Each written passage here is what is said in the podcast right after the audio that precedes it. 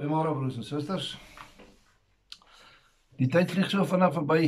As ons ons kon kry, is die COVID-19 verby. Kom ons bid saam.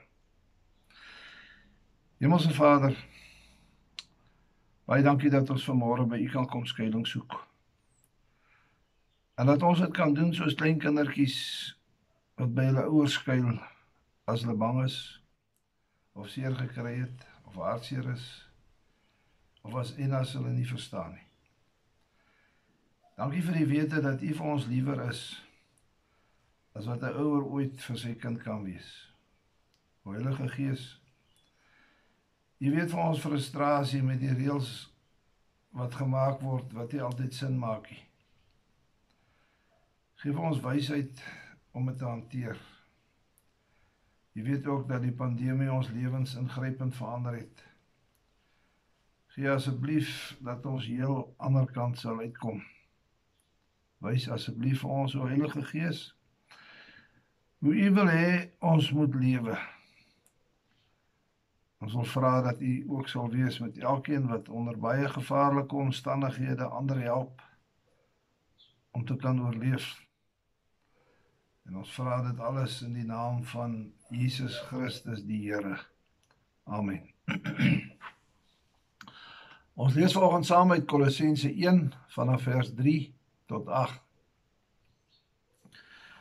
Wanneer ons tot God die Vader van ons Here Jesus Christus bid, dank ons hom altyd vir julle.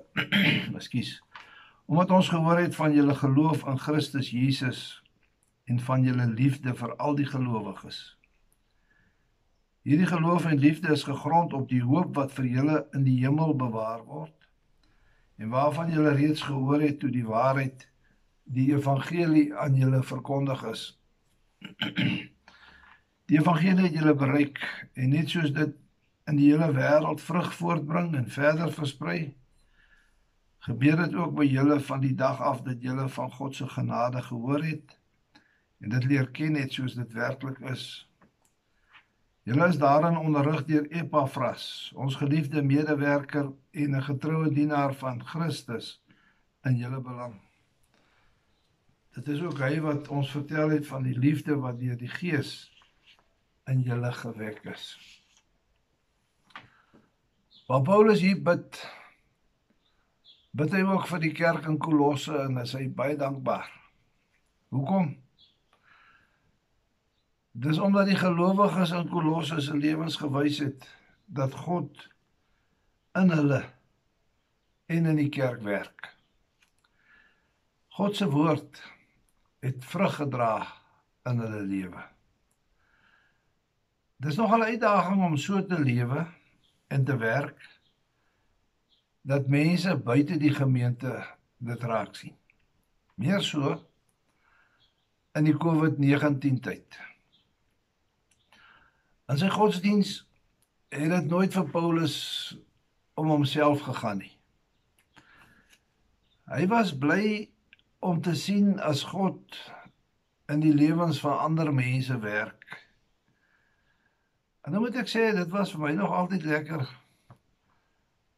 om vir die mense in hierdie gemeente te kan sê dis mooi om te sien hoe lief hy is vir mekaar. Wat in Kolosse het Paulus so geraak? Kolossense 1 vers 3 tot 8 vertel wat dit was. In die Grieks is verse 3 tot 8 eintlik net een lang sin.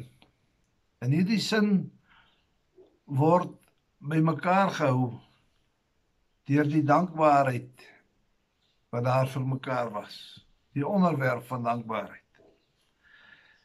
Paulus is dankbaar oor wat die evangelie in Kolosse gedoen het. En ook oor Epafras wat die evangelie daar verkondig het. Vers 3. Wanneer ons tot God, die Vader van ons Here Jesus Christus bid, dank ons hom altyd vir julle. Al het Paulus nooit vir Kolosse besoek nie, het hy gehoor van die gelowiges daar. En wat hy gehoor het, het sy hart bly gemaak. Daarom bid hy dat God sal aanhou om die mense in daardie gemeente te seën. Ons bid gewoonlik vir mense wat swaar kry. En is reg. Maar Paulus bid ook vir die mense met wie dit goed gaan. Dat hulle hulle geloof sal bou.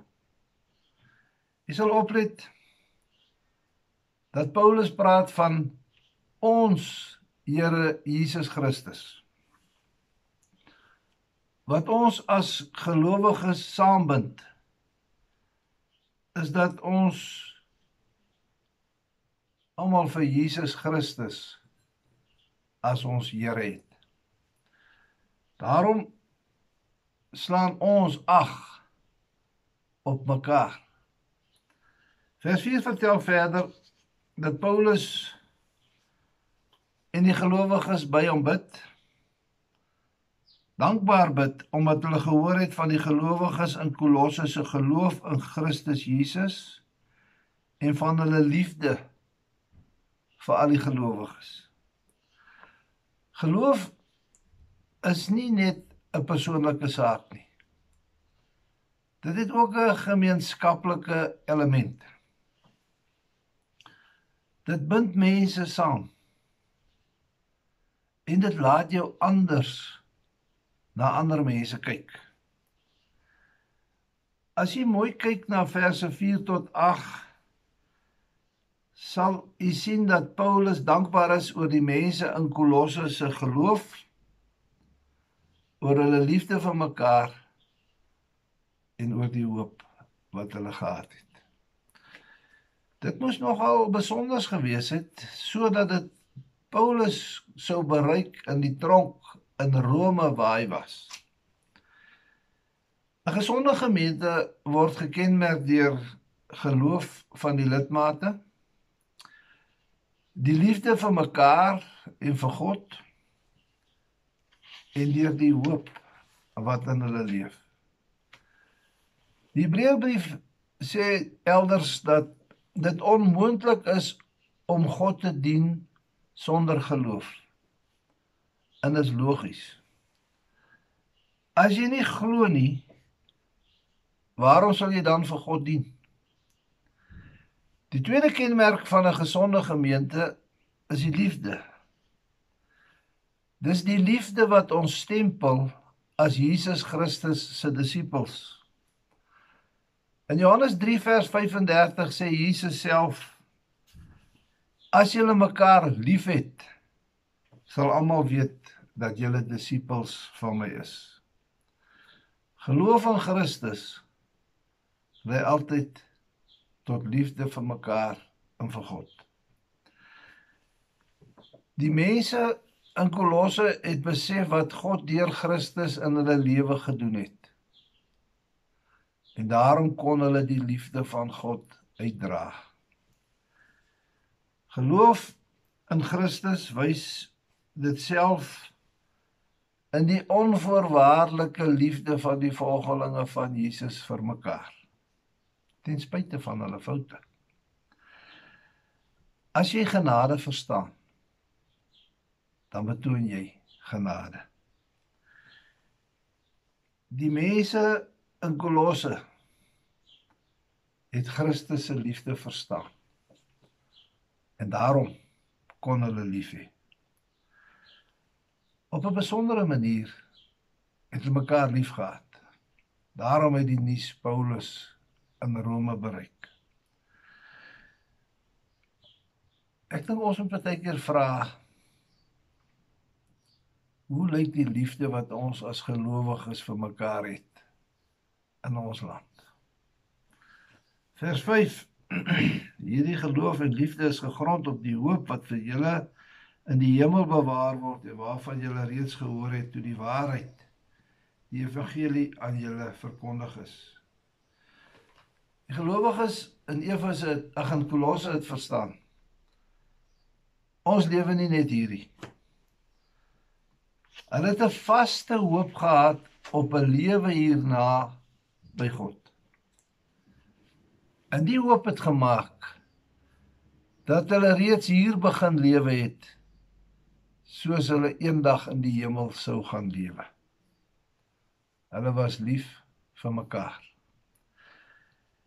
Die hoop op die lewe hierna was hulle verseker. Ons hoop staan vas omdat Jesus Christus ons verlos het. Daarom kan ons lief hê. Waarom sal 'n mens in Jesus Christus glo as jy nie hoop het op die lewe hierna nie? Waarom sal jy ander lief hê as dit op die ou ende nie gaan saak maak nie? Hoop maak die verskil. Want ons het 'n vaste verwagting dat wat in God se woord staan waar is en nog waar sal word. Die hemel hierna was vir die gelowiges in Kolosse 'n werklikheid. Hulle het geweet hierdie lewe is net tydelik. Daarom het hulle verlang na die lewe hierna en daarvoor gelewe. Wie nie hoop het nie, het niks. Nou moet jy verstaan die Bybelse hoop is nie soos ek wens ek kan die lotto wen of ek hoop ek kan die lotto wen nie. Die Bybelse hoop staan vas want God verseker dit. Hy hou die hoop vir ons in die hemel in bewaring. Die tweede deel van vers 5 sê die inhoud van hierdie hoop is wat die woord van God ons leer. En nou brei vers 6 daarop uit. Die evangelie het julle bereik en net soos dit in die hele wêreld vrug voortbring en verder versprei, gebeur dit ook by julle van die dag af dat julle van God se genade gehoor het en dit leer ken het soos dit werklik is. Hoe die mense van Kolosse geloof, liefde in hoop ontvang deur die woord van die waarheid die evangelie wat aan hulle verkondig is. As geen ander waarheid wat die ewige lewe vir 'n mens verseker nie. Mense kan gered word waar hulle die evangelie van God hoor. In vers 6 verduidelik dat die evangelie vir die hele wêreld is. Alle mense maak vir God saak. Paulus was verheug daaroor dat die evangelie in die wêreld versprei is. God het een boodskap van hoop vir alle mense. En die boodskap gaan oor die genade wat daar is in Jesus Christus en vir die wat in hom glo. Tans is die wêreld sonder hoop. Almal kyk net teen die COVID-19 virus vas.